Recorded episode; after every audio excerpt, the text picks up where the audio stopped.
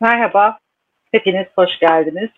12 Nisan 2022 IAD Metaverse'ü Doğru Anlamak webinarında yine birlikteyiz. Açılış sunumunu IAD Yönetim Kurulu Başkan Yardımcımız Doktor Cüneyt Devrim'in yapacağı webinarımız iki panelden oluşuyor. İlk panelimiz Cüneyt Devrim moderatörlüğü ile pazarlama alanında Metaverse uygulamaları ve markaların bakış açıları olacak. İkinci panelimiz Stand by Partner, Stand by Me Meta Agency Founder ve CEO'su, Metaverse Union'un kurucu üyesi Can Yurdakul moderatörlüğü ile Metaverse Tasarım Odağı, tüketici deneyimi ve Metaverse Studio bakış açıları olacak. Lafı çok uzatmadan olmak üzere IAB Yönetim Kurulu Başkan Yardımcımız Doktor Cüneyt Değir'i ekrana davet ediyorum. Ömürcüğüm çok teşekkürler. Ee, şimdi ben de sunumu bir yandan paylaşıyor olacağım. Ekran senin iyi yayınlar diliyorum. Çok teşekkür ediyorum. Şu anda umuyorum şey ekranı sorunsuz bir şekilde görüyorsunuz diye düşünüyorum. Ee, şimdi haliyle Metaverse e, hepinizin de yani şu anda bütün dinleyenler büyük ihtimalle son e, dönem içerisinde fazlasıyla Metaverse ile ilgili birçok konu başlığı dinlediler. Bugün ben de ilk e, yarım saatte bundan sonraki panellerde konuşacağımız e, değerli konuşmacılarımızla birlikte üzerinden geçeceğimiz başlıkların biraz girizgahını yapabilmek, biraz daha konunun çerçevesini çizebilmek için aslında e, genel e, bilgileri aslında biraz tazelemek istiyorum.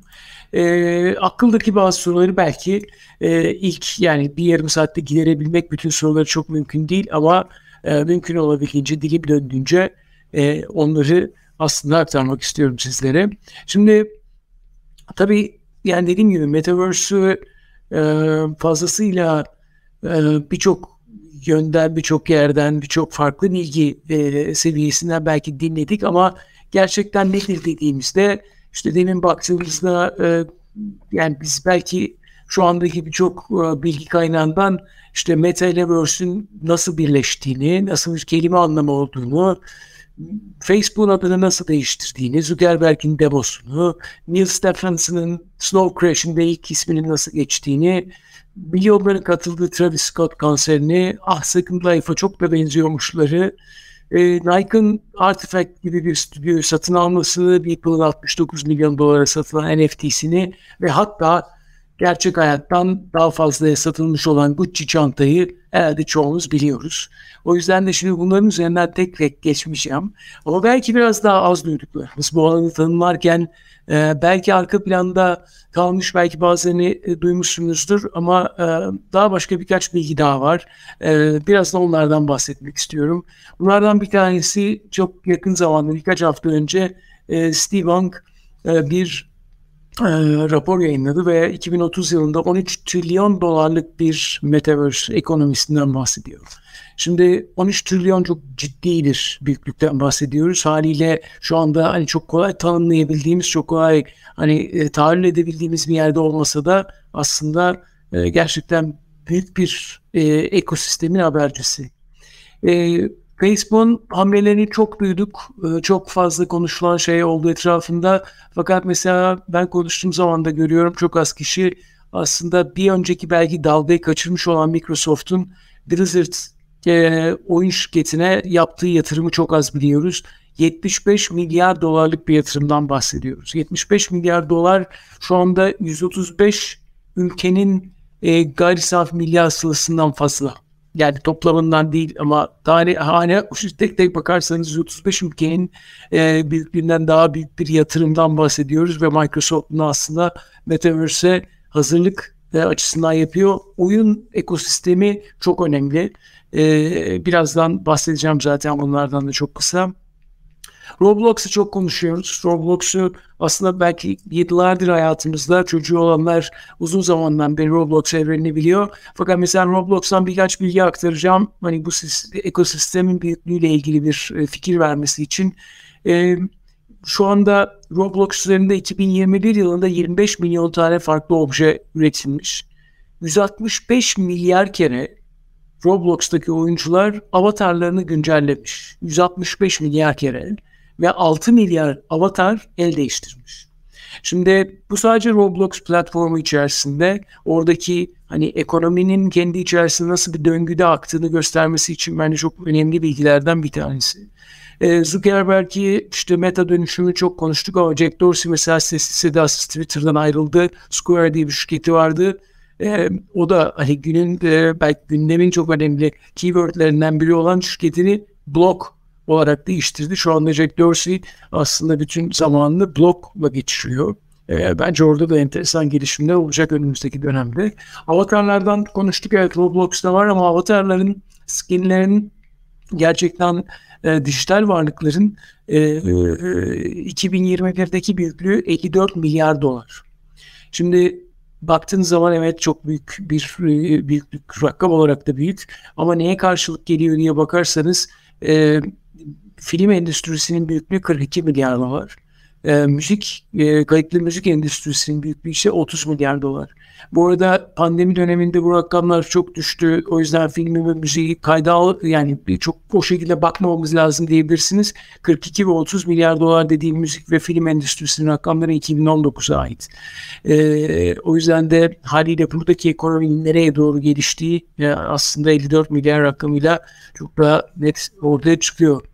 E, Fortnite'ı biliyoruz. Arkasındaki belki Epic Games'i biliyoruz ama Epic Games'in mesela Unreal Engine şu anda oyun endüstrisinde evet hayatımızda belki çok var ama e, şu anda oyun endüstrisinin ötesine geçmiş. Şu anda gördüğünüz birçok filmin birçok aslında akan görüntünün arka planındaki teknoloji üreten e, yer haline gelmiş durumda. Şu anda işte ekranda gördüğünüz örnekteki Mandalorian serisi veya Matrix'in e, en son Awakening'deki aslında e, uygulamalarının arkasında Unreal Engine var. Unreal Engine'in önemi şu, e, sadece hani böyle bir teknoloji gelişiyor, herkese böyle free ve açık bir platformla sağlıyor olmasının ötesindeki o çok değerli.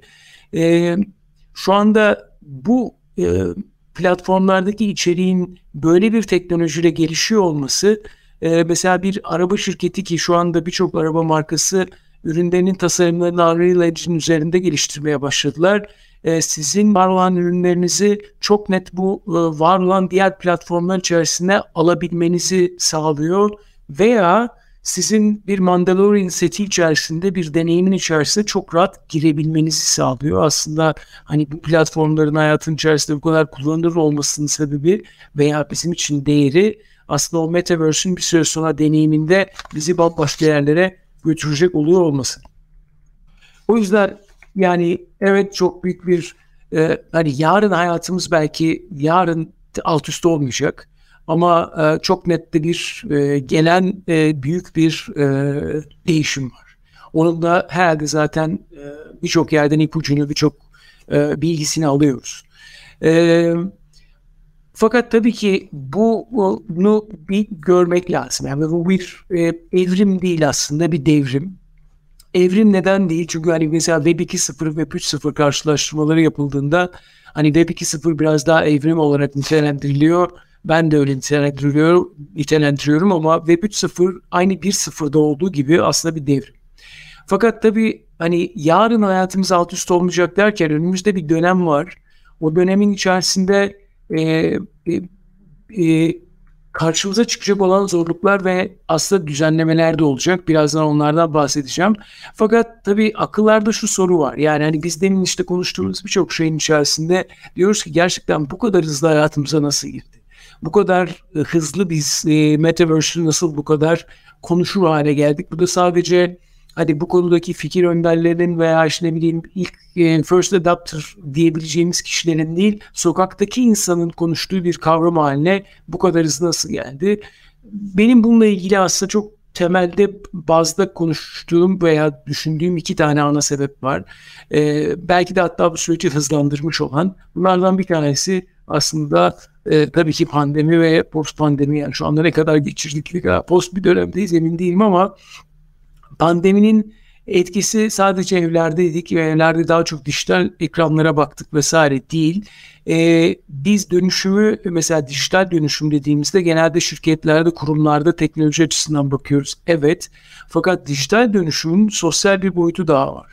Ee, kullanıcıların dijital dönüşümü ve gerçekten o anlamda sadece daha çok ekran kullandılar, daha çok dijitalde, internette oldular değil bu.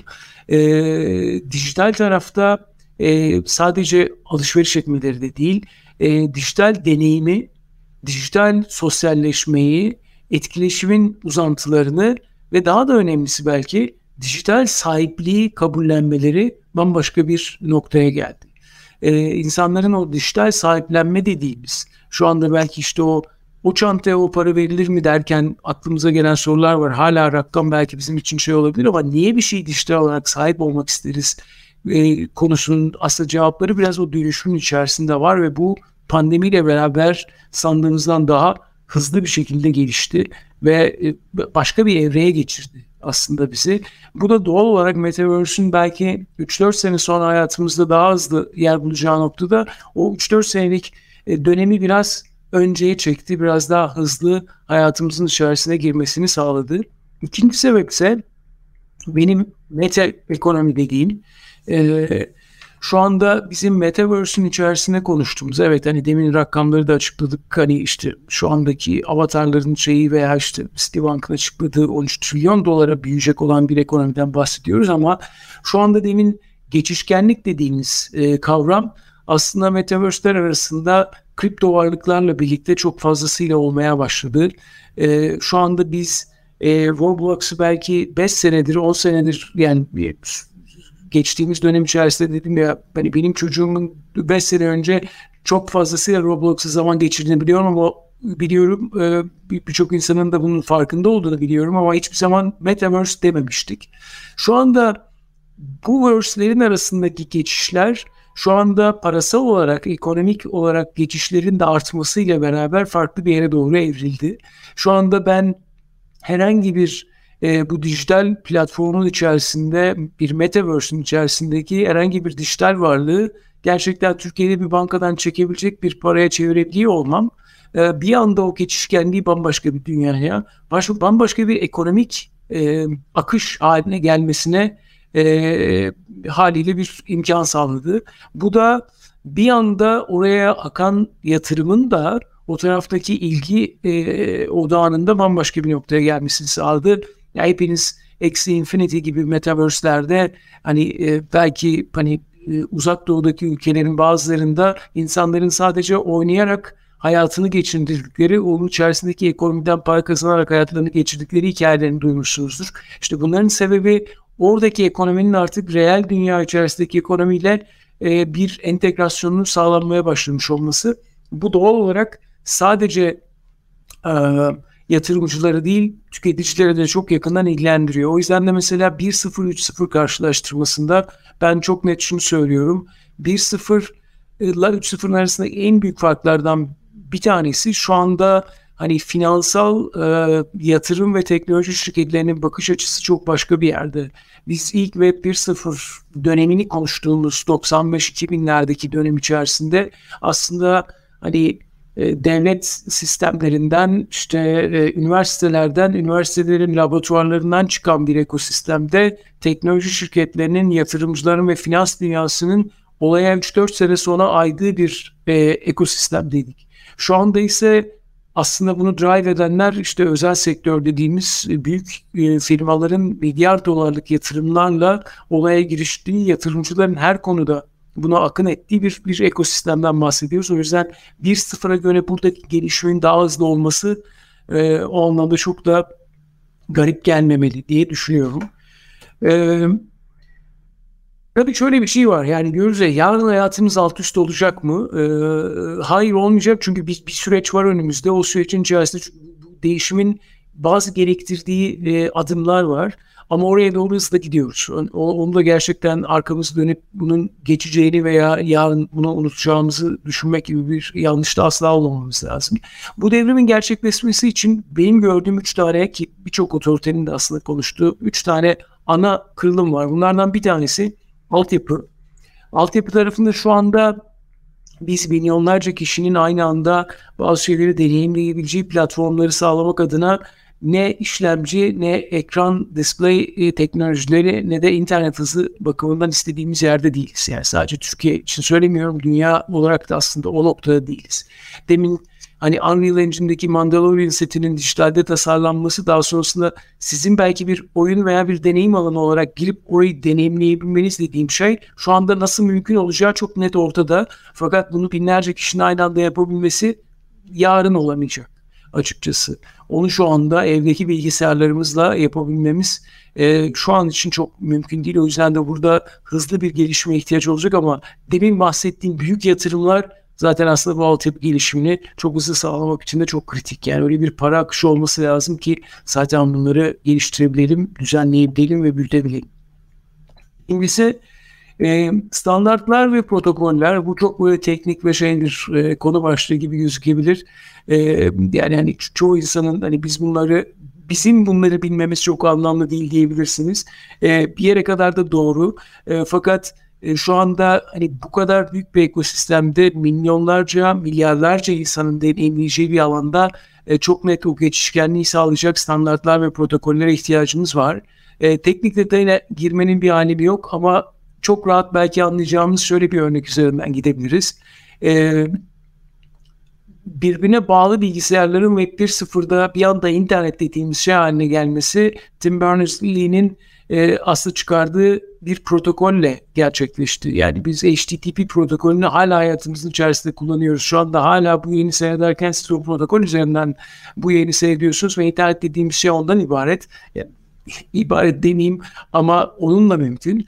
E, Metaverse'de şu anda bu geçişkenliği sağlayacak protokollere ihtiyaç var veya mobil devrim dediğimiz şey e, gerçekten hani e, geçtiğimiz dönem içerisinde bunu mutlaka yaşamış olanlar var. Hani Flash vesaire diğer uygulamalar derken HTML5 gibi e, bir teknolojiye geçtikten sonra aslında bir anda mobil devrim e, herkesin hayatında daha fazla kullanabildiği, daha fazla mobil cihazlardan içerik tüketebildiği bir şey haline getirebildi bizi. E, o yüzden de gerçekten bunları önümüzdeki dönemde göreceğiz. Farkında olacağız veya olmayacağız. Yani şu anda kimse HTTP'nin de çok farkında değil HTML5'inde ama onun e, imkanlarından faydalanıyoruz diyelim. E, ve Metaverse'de de bunu göreceğiz. Aynı şey içerik ve deneyim için geçerli. Web 2.0 dönemi çok konuşuluyor. 2000'lerin başında aslında 2.0'ın teknolojik olarak bütün hazırlığı vardı. Fakat içerisinde yeterince içerik ve deneyim yoktu. Yani e, şundan bahsedebiliriz. Baktığınızda daha sonrasında adına sosyal medya diyeceğimiz uygulamaların içerisinde fotoğraflarımızı, içeriklerimizi yüklemeye başladıktan sonra orada bambaşka bir etkileşim olmaya başladı. Veya videolarımızı YouTube platformuna yükleyip daha sonra videoların paylaşımıyla beraber bambaşka bir evreye geçtik. Veya yazılarımızı bloglar halinde insanlarla paylaştığımızda o işte bizi başka bir internet deneyimi içerisine taşıdı. Şu anda Metaverse'ün içerisinde de aslında bu kadar e, şu anda hayal ettiğimiz deneyimi sağlayacak kadar içerik ve deneyim yok. E, ama çok yakın zamanda olacak. Zaten hani bundan sonraki panelde bunları e, panelde panellerde yani iki panelde de konuşacağız. E, bunları nasıl gerçeklemeye çalıştığımıza dair örnekleri ve gerçekten bu konuda e, akıl fikir yoran değerli e, hem markaları hem de e, üreten stüdyoları zaten dinliyor olacağız. O yüzden burası da hani önümüzdeki e, belki 5 sene içerisindeki en hızlı gelişim gösterecek alanlardan bir tanesi. E, şimdi yani hızlı hızlı ilerliyorum yarım saatte birçok şeyi sığdırmak için e, bizim hani bu ekranda görmüş olduğunuz centralized, decentralized bir de distributed vardı tabii şeyin içerisinde ama bu, bu belki grafiği birçok yerde görmüşsünüzdür.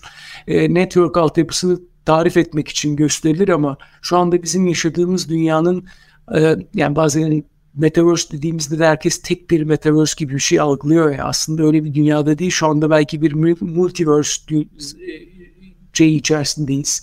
E, gerçekliği içerisindeyiz. E, şu anda hani e, Metaverse'ü çok deneyimlememiş işte o gerçekten mese yayılmış, kitlelere yayılmış algıda biraz öyle bir dünya var. Metaverse tek bir yer ve oradan bir şey sağlanıyor, alınıyor veya oradan bir şey bir değer atfediliyor gibi bir e, durum var. Fakat şu anda aslında multiverse'lerden oluşmuş olan bir dünyadan bahsediyoruz. O multiverse'ler içerisinde iki e, bence buradaki hani gerçekten var olan bir metaverse'in içerisine girmek veya kendi verse'ünüzü oluşturmak konularını da e, önümüzde bence tartışacağımız e, panellerde zamanımız olacak diye düşünüyorum. Ama hani işte şu anda işte Decentralar, Sandbox'lar, Roblox'lar, Meta'nın Horizon'ı gibi platformlar aslında farklı verse, farklı metaverse'ler ve bunlar birbirlerine aslında biraz e, e, hafif kesik çizgilerle bağlılar. Çok net olarak tek bir ekosistem içerisinde birbirine bağlılar ve aralarında bir geçişkenlik var mı derseniz şu an için aslında yok.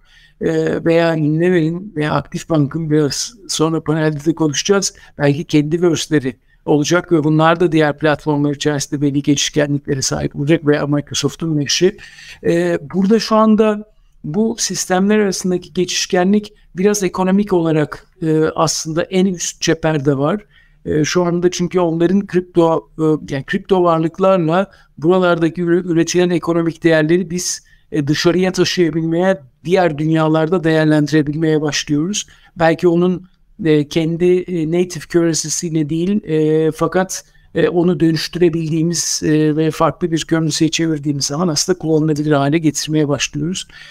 Fakat şu andaki aslında deneyimlediğimiz hali bu.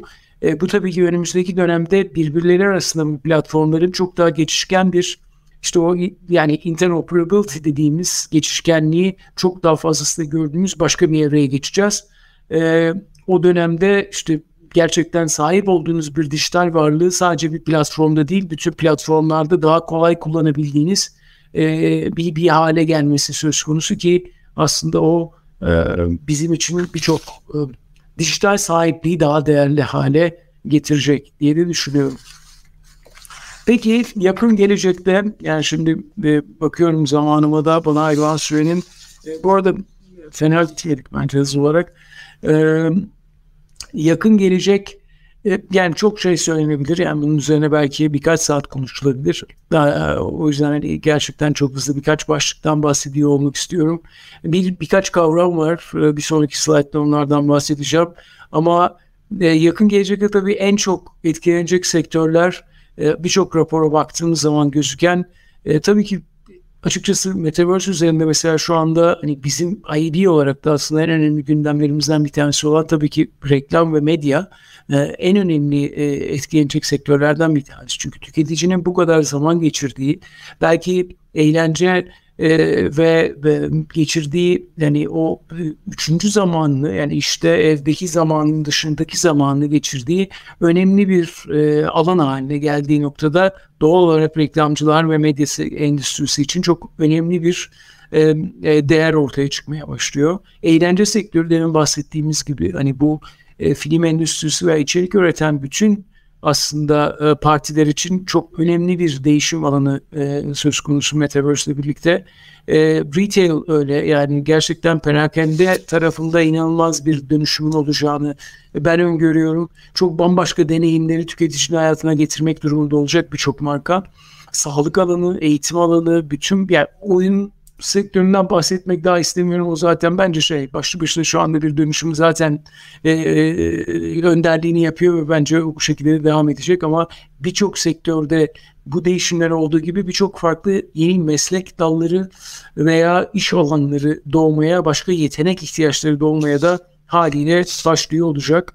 E, ve belki de hani yakın zamanda hayatımıza girecek, belki de hatta girmiş ama hani o şekilde adlandırmıyor olabiliriz ama hani e, direct to avatar dediğimiz gerçekten işte dijital sahiplik tarafında direkt avatarlara satış yapılabilecek olan ürünler ve hizmetlerin daha çok konuşulduğu, daha çok bunun üzerinden yürüyen bir ekosistemde e, markaların üretim yaptığı, şu an dijital bazı markaları görüyoruz. Yani hani şu anda işte Artifact dediğimiz e, oluşum e, Nike'ın temel tam anlamıyla direct to avatar e, satış gerçekleştirmek üzere yani satın aldığı ve oluşturduğu bir e, yapılanma. Veya immersive kelimesini çok daha yani daha e, sanıyorum daha tam Türkçe karşılığını çok fazlasıyla konuşmadık ama daha işte şey hani e, çevremizde oluşan e, diyebileceğimiz interneti ve aslında bunun etrafındaki tabii ki e-ticaret, e-commerce dediğimiz yapının daha çok e, e-commerce'e dönüştüğü, immersive bir commerce dünyasına dönüştüğü bir e, alanı görmeye başlayacağız ki işte evet perakende de belki göreceğiz ama hani şu anda evet lüks markalar daha çok e, e giyim endüstrisi üzerinde çok fazlasıyla uygulamayı görüyoruz ama bence çok yakın zamanda birçok farklı endüstride bu anlamda gelişimleri görmeye başlıyor olacağız. E, yasal düzenlemeler konusunda birçok e, eksiklik olsa da aslında virtual e, çalışma, e, iş alanı, iş gücü, e, buradaki haklar, e, buradaki çalışma şartları vesaire gibi konular belki hayatımızda çok yakın zamanda konuşacağımız, tartışacağımız e, konu başlıklarından bir tanesi olacak veya belki hayatımız içerisinde ki şu anda var. Yani şu anda aktif olarak Türkiye'de birçok marka kullanmıyor olabilir ama dünyada e, bu anlamda üretilmiş olan ve şu anda aktif çalışan aslında sanal e, influencerlar var. E, bunların da Metaverse ile birlikte hayatımızda çok fazla yeri olacağını, çok fazla konuşacağımızı önümüzdeki dönemde e, düşünüyoruz diyeyim. Ve hızlı bir yarım saat içerisinde sizlere bugünün açılış konuşmasını bu şekilde e, tamamlamış olayım diyorum efendim. E, umarım e, bundan sonraki dinleyeceğiniz panellerle ilgili e, bir e, kapsayıcı bir e, açılış konuşması olmuştur diyorum ve şimdi sözü.